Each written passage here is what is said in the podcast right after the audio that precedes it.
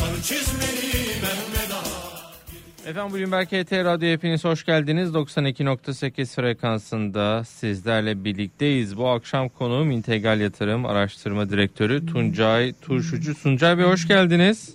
İyi akşamlar, hoş bulduk, merhaba. Nasılsın hocam? Teşekkür ediyorum, çok sağ olasın. Sen iyisin inşallah Barış. Ben de iyiyim, çok teşekkür ederim. Şu dakika itibariyle aslında bir 14 dakika önce sokağa çıkma yasağı başladı hocam. Bakıyorum ama trafik yüzde 44. İstanbul'da nasıl olacak bu iş? Vallahi şey, ben şey diyeceğim. Zor. Mesela diyorum bizi YouTube ve Periskop'tan izleyenlere selamlar sevgiler. Bizi yollarda dinleyenlere de selamlar sevgiler söylüyorum. Normalde ben başladığım saatte yolda kimsenin olmaması lazım.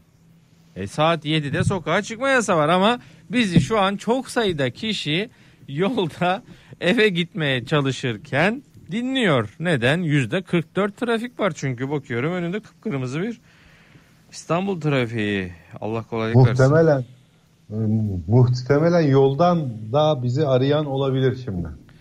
Olabilir tabii ki canım yoldan kesin arayan olur. Kesin. 0212 255 59 20 0212 255 59 20 Tuncay Bey yorgun musunuz diyorlar. Yorgun musun hocam? Tatile Ya ihtiyacım var diyorlar. herkes öyle yazıyor. Niyeyse ben Niye? de bilmiyorum. Bilmem ya. Ev hali, ev hali diye olabilir ya. Hani böyle yok, bir takım böyle elbiseye girse, saçını tarasa Evet, evet. Fit Evet, olur. Sıkıntı olmaz. Yorgun değilim ama hani böyle akşam olunca bir yorgunluk oluyor. Geç mi yatıyorsun Herhalde hocam? odur ya. geçmiyor. Tabii tabii benim hiç uykuyla aram yoktur. Şaka yapıyorsun. Tabii hiç yoktur aram. Aman abi. Kaç saat uyuyorsun şaka bir yana?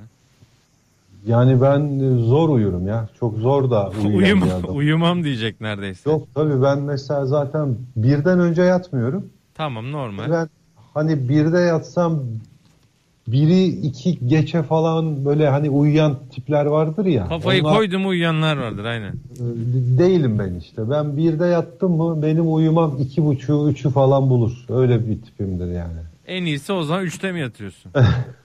Vallahi ne bileyim ben de şaşırdım artık. Yani toplam günde böyle 4 saat uykuyla falan geçiyorum. Yapma ya.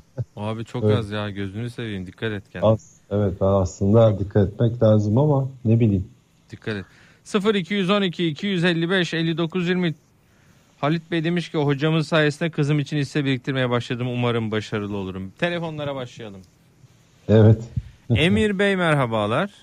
Barış Bey merhabalar. Ee, Nasılsınız? ö- öncelikle size teşekkür etmek istiyorum ben. Yaklaşık 5 yıldır falan sizin sayenizde bu ekonomidir, borsadır. Bayağı bir yok ettim. Vallahi mı? Çok ciddi söylüyorum. Ben bankada çalışıyordum. Ee, Ee, bankada çalışırken sizi fark ettim. Her akşam eğer uyuyakalmazsam sizi seyrediyordum. Derken e, bir 6-7 yıldır falan sürekli sizi seyreder oldum. Öncelikle bize kattıklarınız için çok teşekkür ederim. estağfurullah. Buyurun. Ee, Tuncay Bey bir sorum olacaktı. Onu e, Twitter'da falan da birkaç kere taciz ettim kusura bakmasın ama e, onu da severek e, takip ediyorum. Bu Alkim'i aldım ben uzun vadeli bir potasyum sülfat yatırımıyla ilgili de. Evet. Sürekli bunlar satış yapıyorlar ailece.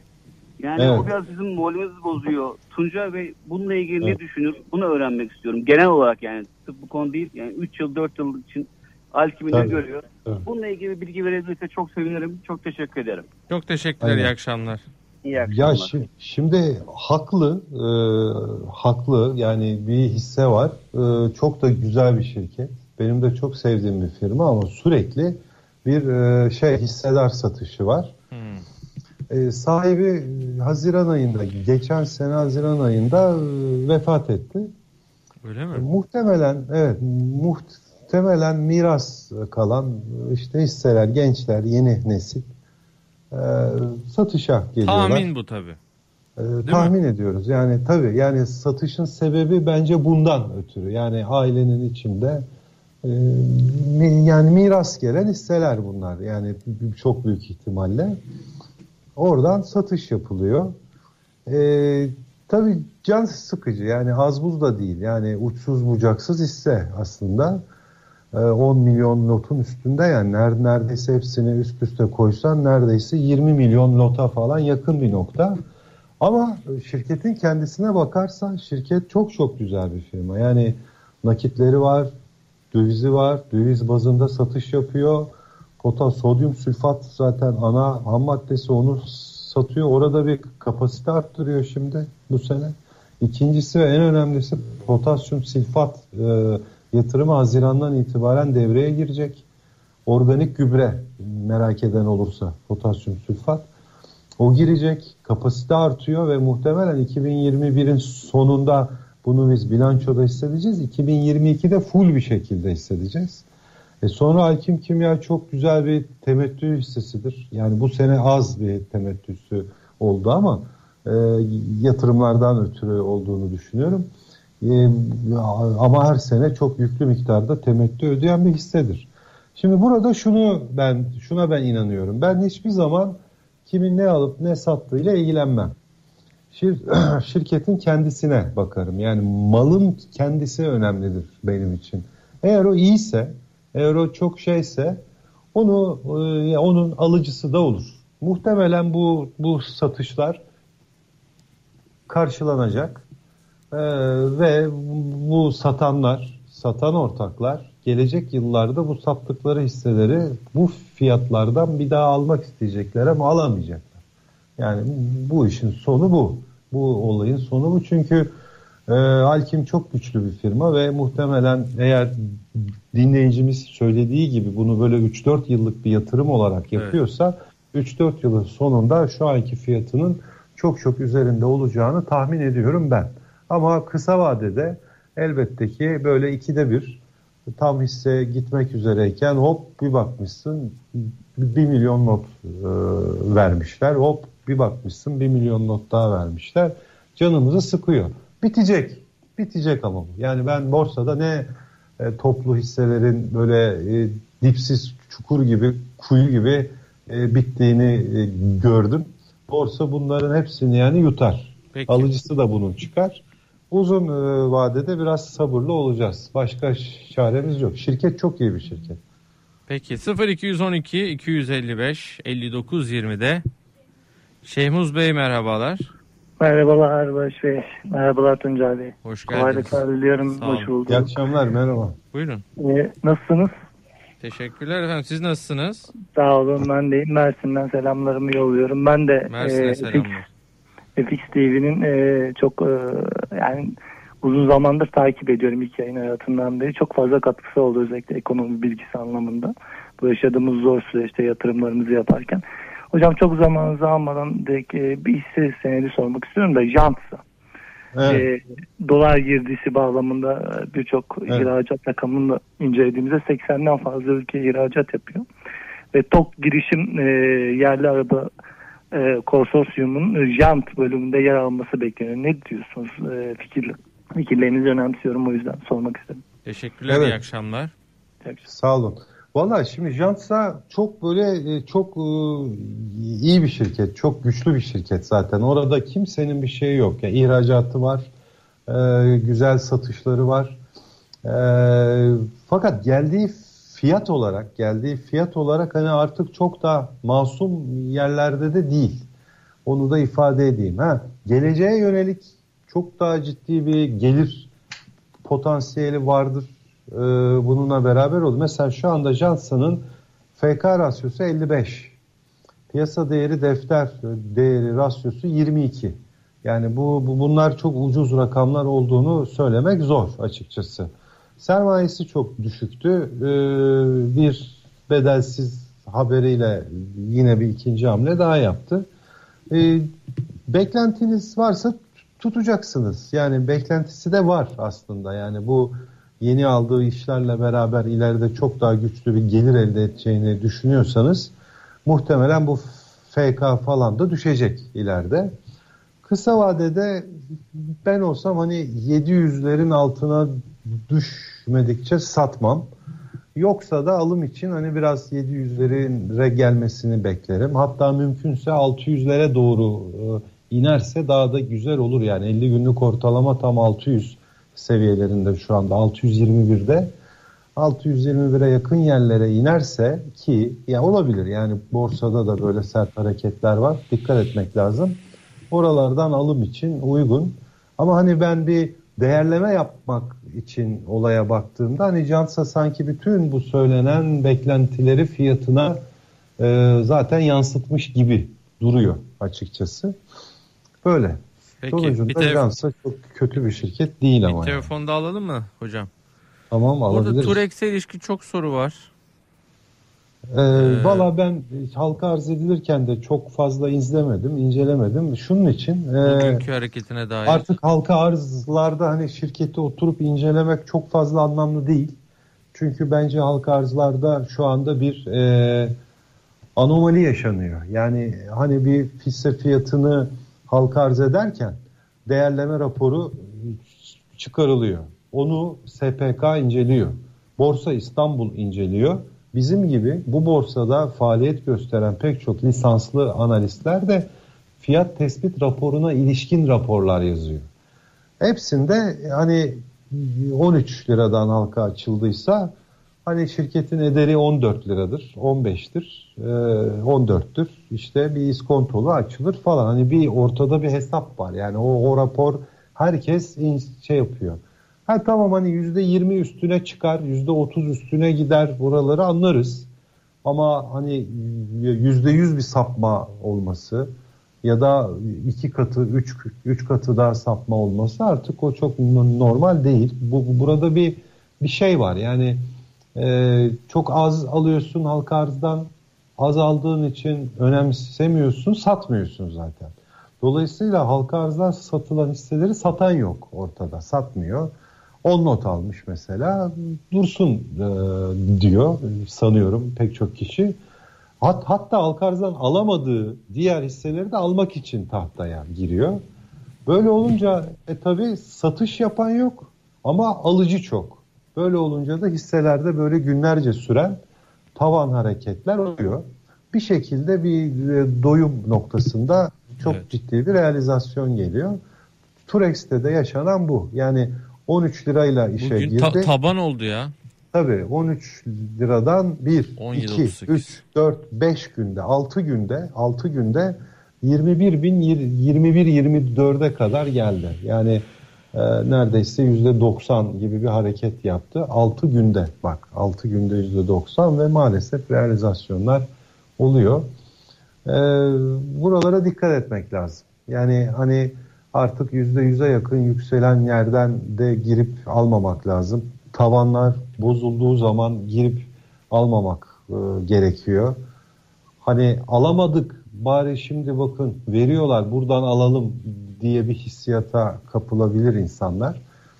Yani bence dikkat etmek lazım. Yani biraz şey oldu. e, fiyatlamalar biraz anomaliye doğru gitmeye başladı. Turex bunların içinde bu arada en masumu. Yani 7 kat yükselen var yani o Türk ilaç serum var mesela. O zaten efsane oldu. E, tarihe de adını altın e, harflerle yazdırdı. 10 TL'den 70 küsur TL'ye gitti. E, ve maalesef oralardan beri halen daha da e, düşüyor. E, dikkat edilecek. Başka bir çare yok. Benim yandığım ne E, biliyor musun Barış? Evet abi. Benim üzüldüğüm şu ilk defa yani çok uzun bir zaman sonra ilk defa borsada hakikaten çok güzel şirketler halka açılıyor. Hmm. Ve çok güzel yatırım yapılacak şirketler hem de bunlar halka açılıyor.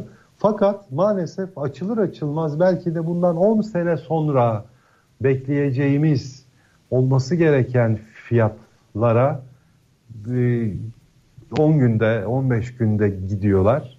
Hani o yüzden maalesef bunlardan bir uzun vadeli yatırım olarak da faydalanamıyoruz. Yani bu fiyatlardan girmenin anlamı yok çünkü. Bilanço belli, kar belli. Fiyat çok yukarıda tabii.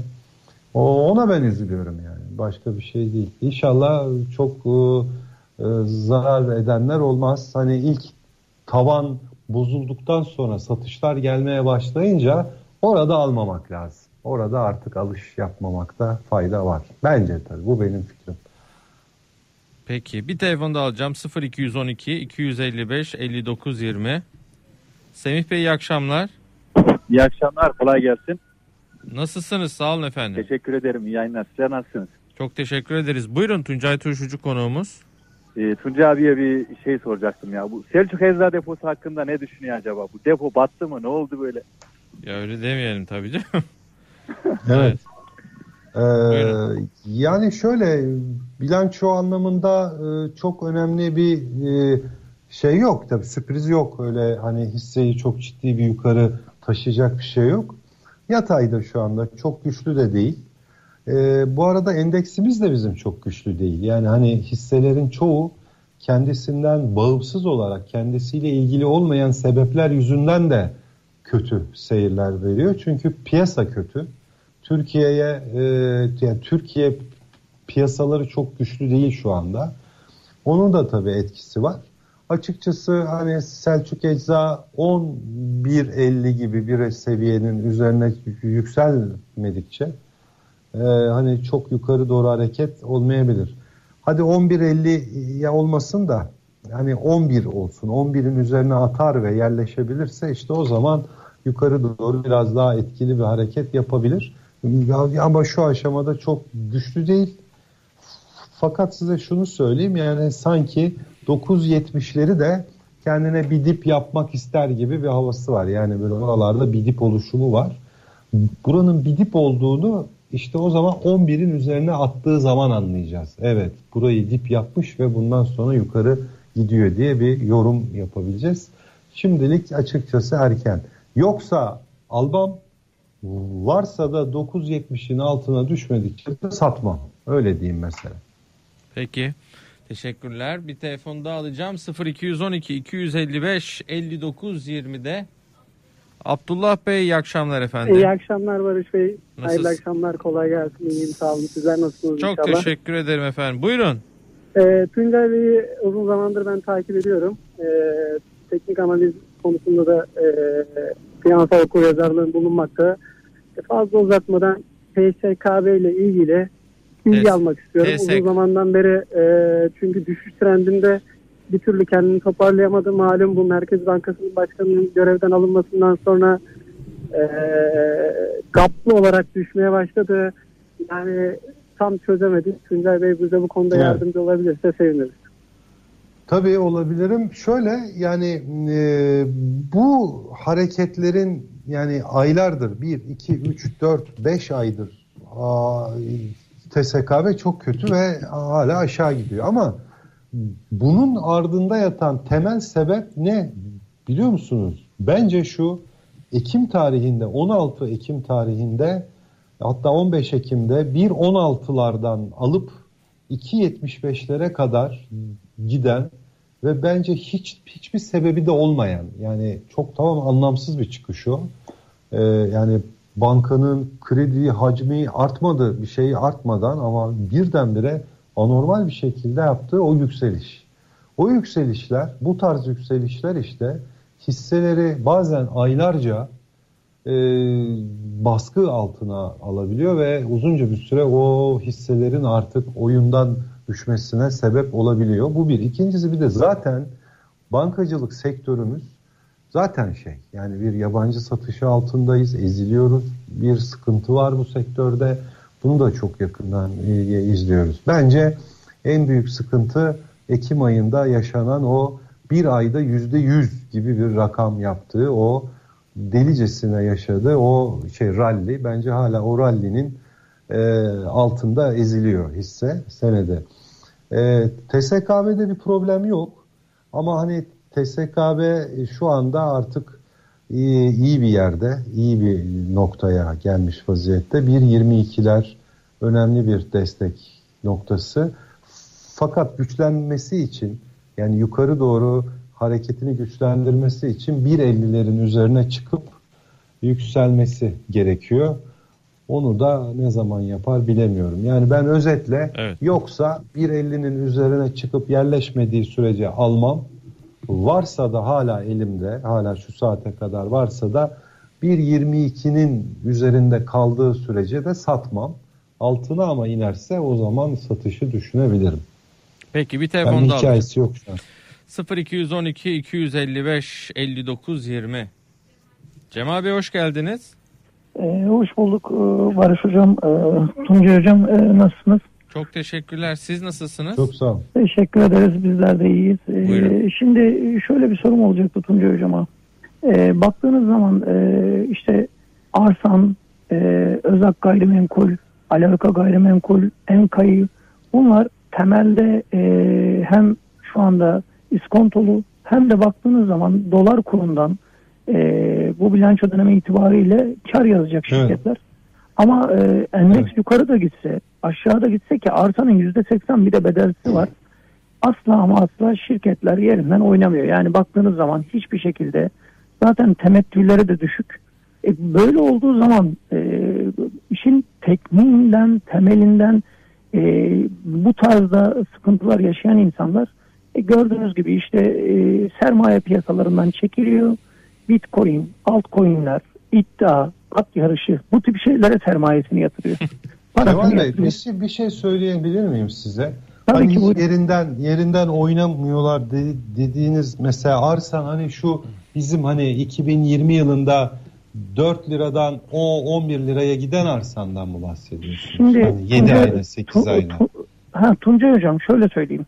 Arsanın oran analizine ve e, piyasa çarpanlarına baktığınız zaman arsanın şu anda %80 bedel hariç ederi 12 lira. Ama baktığınız zaman arsan e, 23 Mart e, 2019'daki pandemi düşüşünden önceki fiyatının sadece ve sadece yüzde yirmi, yüzde yirmi beş üstünde. Yüzde seksen bedelsizi ve hala hazırda iskontosuz haliyle.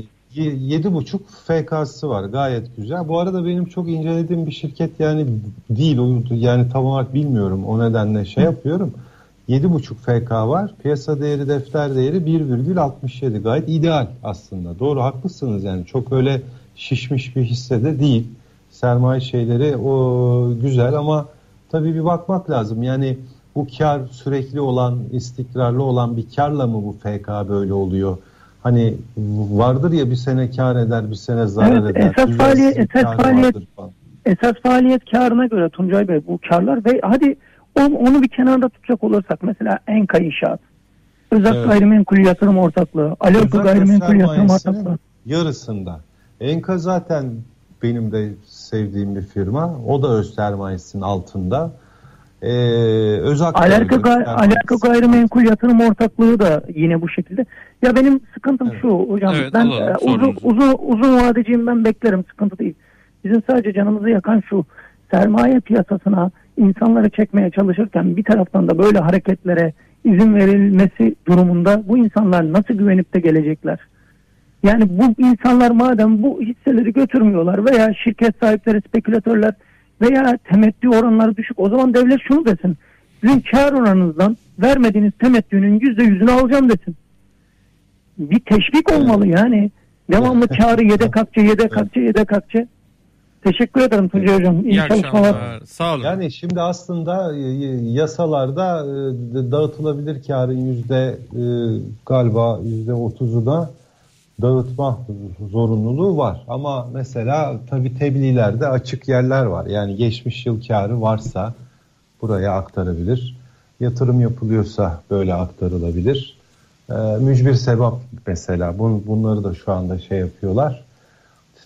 Temettüleri bazen böyle de e, şey yapabiliyorlar, atlatabiliyorlar açıkçası. Ee, geçmişi de çok önemli şirketin. Yani bu yıllar olmadan da önceden de bir temettü falan ödüyor muydu, ödemiyor muydu? Bunlara da bakmak lazım.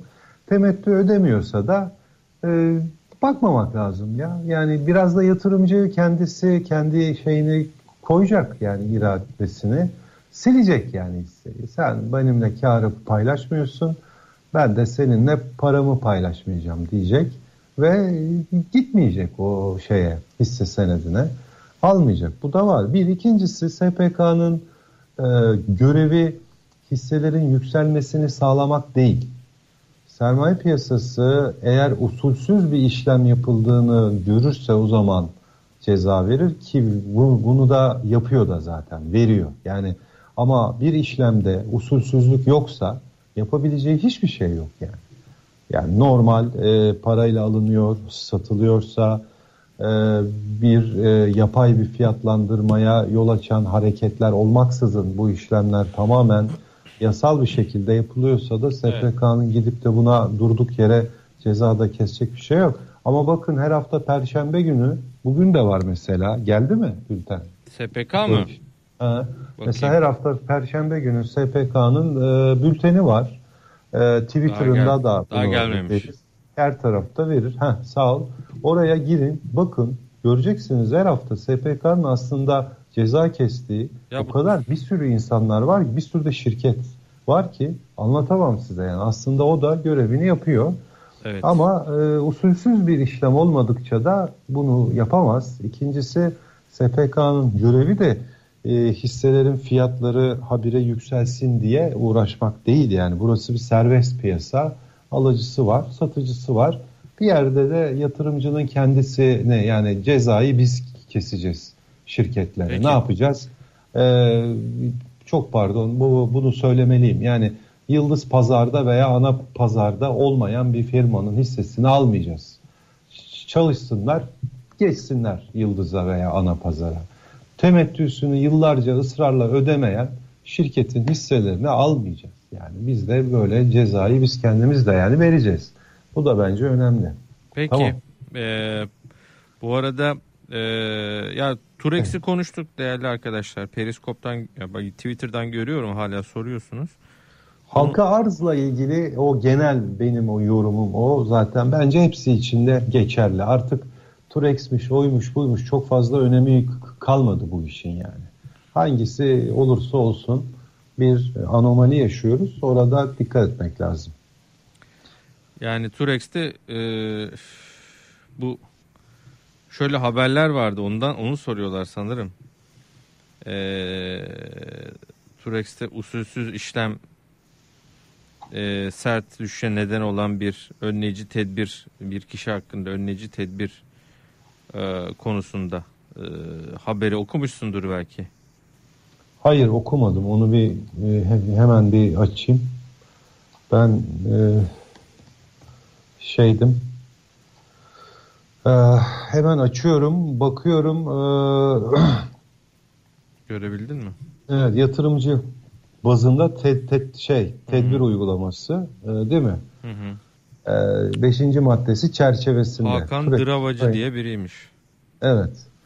E, belirtilen emir ve işlemleri nedeniyle aşağıda adı verilen belirtilen yatırımcı hakkında borsamız pay piyasasındaki emir işlemlerine yönelik olarak 16 Nisan tarihinden itibaren 3 ay süreyle açığa satış ve kredili işlem yasağı falan diyor. E de işte işte burada bir e, tebliğe aykırı e, bir işlem yapıldığını tespit etmiş. Hı hı. E, Borsa İstanbul ve burada da bir önlem almış.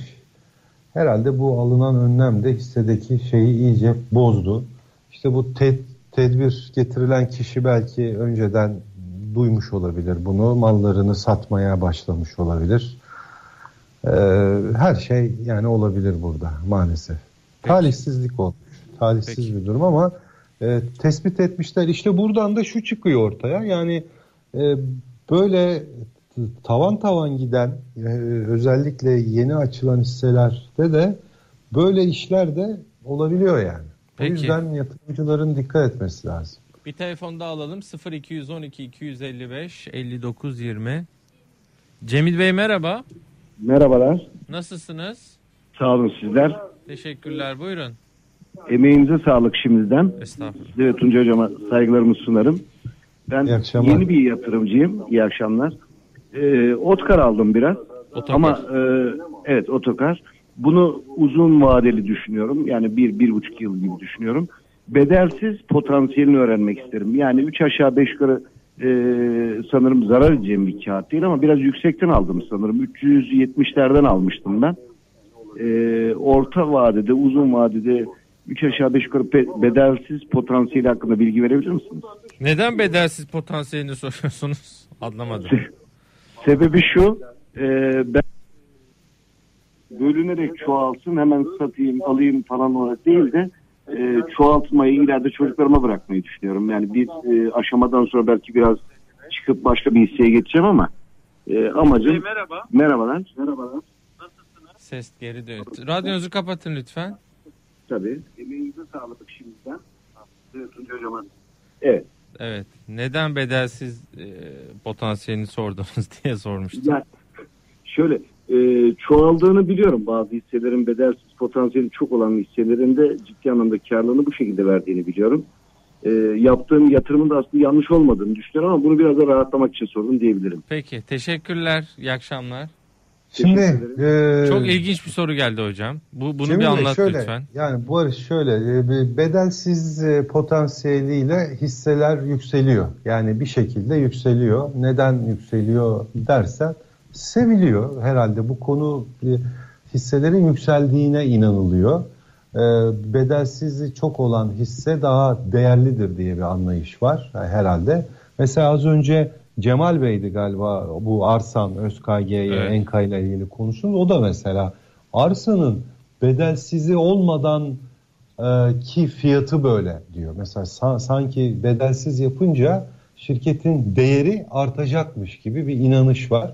Halbuki bedelsizin, bedelsiz sermaye arttırımının şirketlere hiçbir faydası yoktur. Yani çünkü niye? Öz sermayenin içerisindeki iki tane kalem olduğunu düşün. İkisi de öz. Yani şöyle söyleyeyim sana. Arabada oturuyorsun. Sağ koltukta ve sol koltukta oturan iki kişi e, yer değiştiriyor. E, ya da ön koltukta oturan kişi arka koltuğa geçiyor. Olay bu. Araba aynı araba. Arabanın ebatında bir değişiklik yok. Arabanın şeyinde değişiklik yok. Bedelsiz de bunun gibi bir şeydir. Yani öz sermayenin içerisinde bir kalemden diğer bir kaleme paranın aktarılmasıdır. Aslında budur. Yani bu şirkete bir nakit girişi sağlamaz. Bu öz sermayesinin büyümesine neden olmaz. Hiçbir şeye sebep olmaz. Fakat bu şuna sebep oluyor. Ee, bölünüyor fiyat tabii sermaye arttırdığın için. Bölündüğü içinde bir ucuzluk algısı oluşuyor. Yani 100 TL'den 10 liraya düşüyor. Ucuzladığı algısı oluşuyor ki aslında ilgisi yok. Ondan sonra da yeniden 100 TL'ye gidecek şeklinde bir inanış var. Yani bu bizim biz bizde var bu bir de. Yani yurt dışında falan böyle bir algı yok bu arada. Bizim e, Türk yatırımcısında böyle bir şey var. Ama çalışıyor mu? Evet. Çok yani mucizevi bir şekilde e, bedelsizi çoksa hisseler hakikaten çok gidiyor. Yani bugün mesela çok hisse var. Hepsine baktığın zaman inanılmaz pahalılar aslında. Yani bilançolarına göre çok pahalılar. Ama yine de e, En bana benim klasik demiyor. burada Ege'ndir. Yıllardır bedelsiz Ege Ege olacak en olacak yıllardır olacak var. diye. Evet, Kaç oldu? ikincisi- En son binlere mi gitti? Ben söyleyeyim hemen e, 1430 e, bugünkü se- seviyesi. Yani. E, odur. E, Ama bir de yıllardır da vermedi değil mi bedelsiz? vermez. E, Vermesi şarttır diye bir olay yok. Yani bedelsizi bir de duyarsın belki hani işte bu sene şu tarihe dek vermeleri lazım. E, Yasa çıkmış böyle olacakmış falan. Her sene de böyle bir durum çıkar. Hal, halbuki öyle de bir şey de yok. Yani isteyen istediğini vermez. Yıllardır da vermeyenler var. Yine yani vermeyebilir.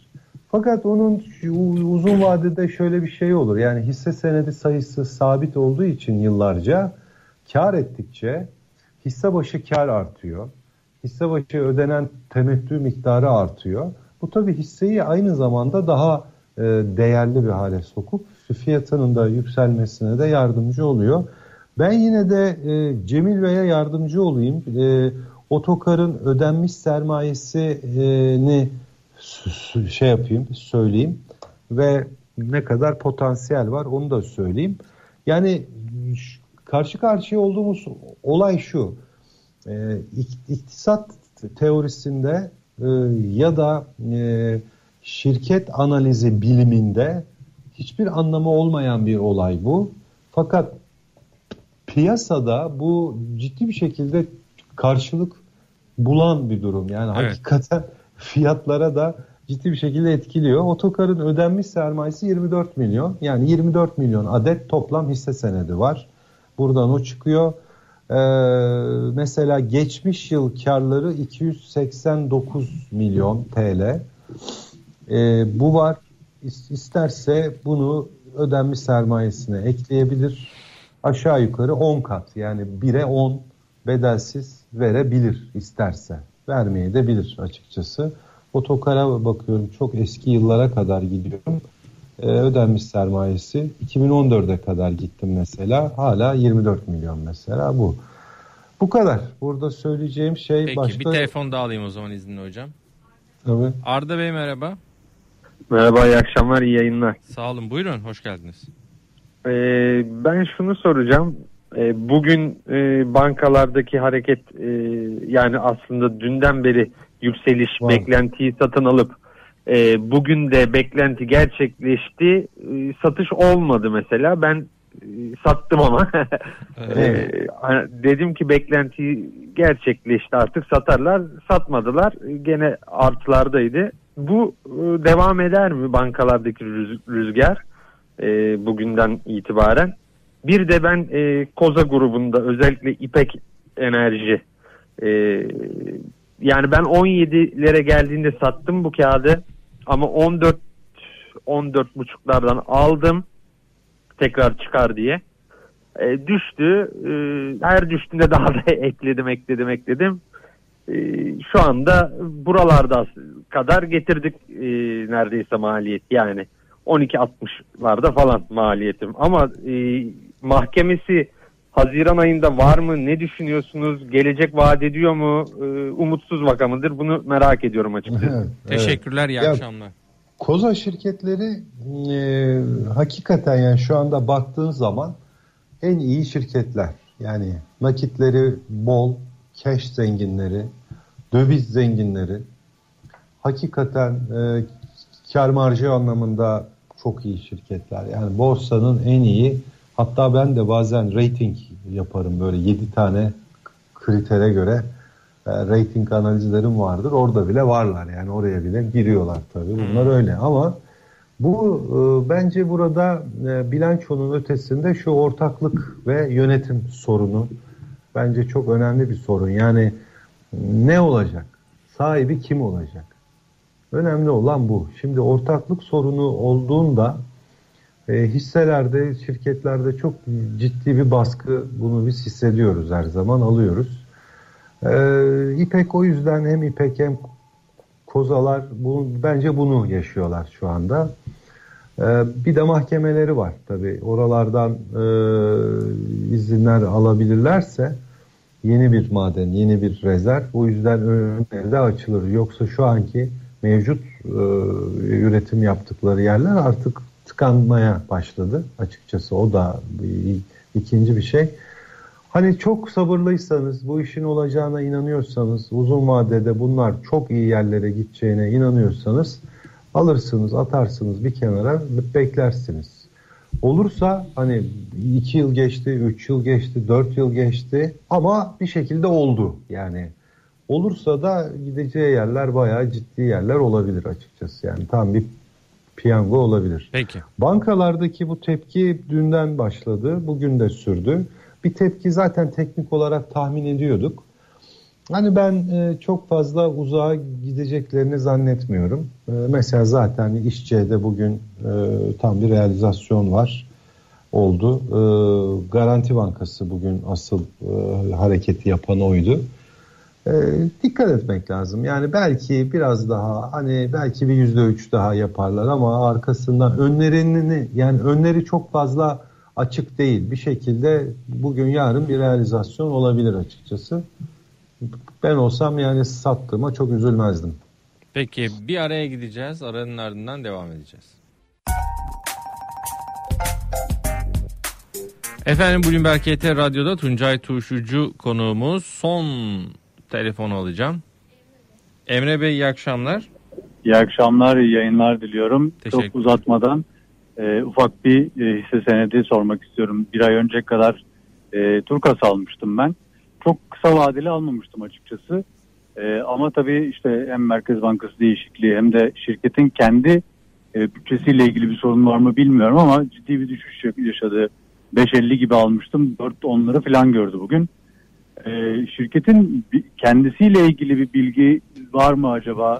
Yoksa bu sadece şu anda e, genel endeksin e, sallanımıyla mı alakalı bu kadar düştü? Onu öğrenmek istedim. Çok teşekkür ederim. İyi Çok, akşamlar. çok teşekkürler, iyi akşamlar. Evet. Ya şöyle söyleyeyim yani Turkas e, benim yakın bir zamanda çok e, detaylı bir incelemem yok ama hemen Excel'ime baktım. E, şöyle yani net borç bölü FAVÖK rasyosu çok yüksek yani 30'lara yakın. E, ve zaten bu nedenden ötürü de çok ciddi bir finansman gideri 195 milyon lira 2020 yılında bir finansman gideri yazmış. Esas faaliyetlerinden elde ettiği kar 15 milyon TL. Çok az bir kar. Ee, tabii bu yüksek finansman giderleri yüzünden de 124 milyon lira zarar yazan bir firma.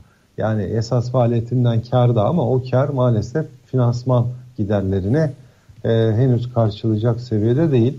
Net borç FAVÖK rasyosu bence çok yüksek.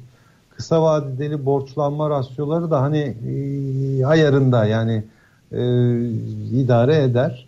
Döviz açığı var. 832 milyon liraya karşılık e, gelen bir döviz açığı var. Yani hani çok güçlü benim çok dikkatimi çeken cezbeden e, bir firma değil açıkçası. Onu ifade edeyim. E, biraz daha e, baktığımda e, çok böyle e, heyecanlandıran bir şeysi yok bende. Tamam. Tarihsel piyasa çarpanları biraz yüksek. Ee, hani yani uzun vadeli yatırım için daha iyi şirketler var açıkçası. Onu ifade edeyim. 4 seviyesi önemli bir destek. 4'ün altına düşüş olursa yukarı, aşağı doğru satışlar hızlanabilir. 4.50'nin üzerine çıkar ve yerleşirse biraz daha yukarı doğru olumlu bir seyir gösterebilir. Tuncay Bey çok teşekkür ederim.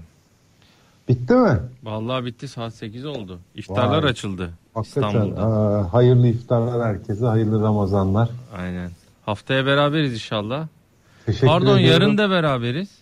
Yarın akşam da birlikteyiz evet. Küresel piyasa, var. küresel piyasalarda Tuncay Turşucu olacak 22'de. Canlı yayın konuğumuz. Ee, gelmiyorsun değil mi uzaktan? Ee, tabii tabii uzaktan yapacağız. Aynen Başka abi. çaremiz yok. uzaktan uzaktan olsun. Bugün de gene Allah 300'e yakın hayatını kaybeden var. 61 bin küsür vaka sayısı. Geldim. Çok ya gerçekten gene çok. Allah, Allah rahmet eylesin. Ne bileyim çok 61.400. yaklaşıyor artık. İyice e, ensemizde hissediyoruz yani. 297 hayatını kaybeden vatandaş Allah rahmet eylesin ya. 300 300 300 yaklaştık yani. Neyse Allah rahmet Her eylesin. ailede her ailede bir tane artık e, vefat e, inşallah olmaz. Tabii de giden hız bu. Ben mesela halamın oğlunu kaybettim. Ahmet abimi. Allah Ahmet eylesin. Kasım ayında çok sağ olasın. Yani çok üzülüyoruz tabii böyle şeylere. Bir an önce şu işler bitsin de insanlar e, böyle can kayıpları falan da çok üzüyor. E, hayırlısı diyelim. Allah'tan her şey. Çok teşekkür ederim. Tuncay Turşucu ağzına sağlık. Çok sağ olasın Barış. Çok teşekkürler. İyi akşamlar. İyi akşamlar. Saat 21'de ekonomik görünüm var. Profesör Doktor Asaf Savaş Akat ve Ege Cansen 22'de Gizem Öztok Altın Saç ve Erdal Gerçek bizlerle olacak. Herkese güzel bir akşam diyorum. Tuncay Turşucu'ya çok teşekkür ederiz. Allah'a ısmarladık. Haftaya yine beraberiz.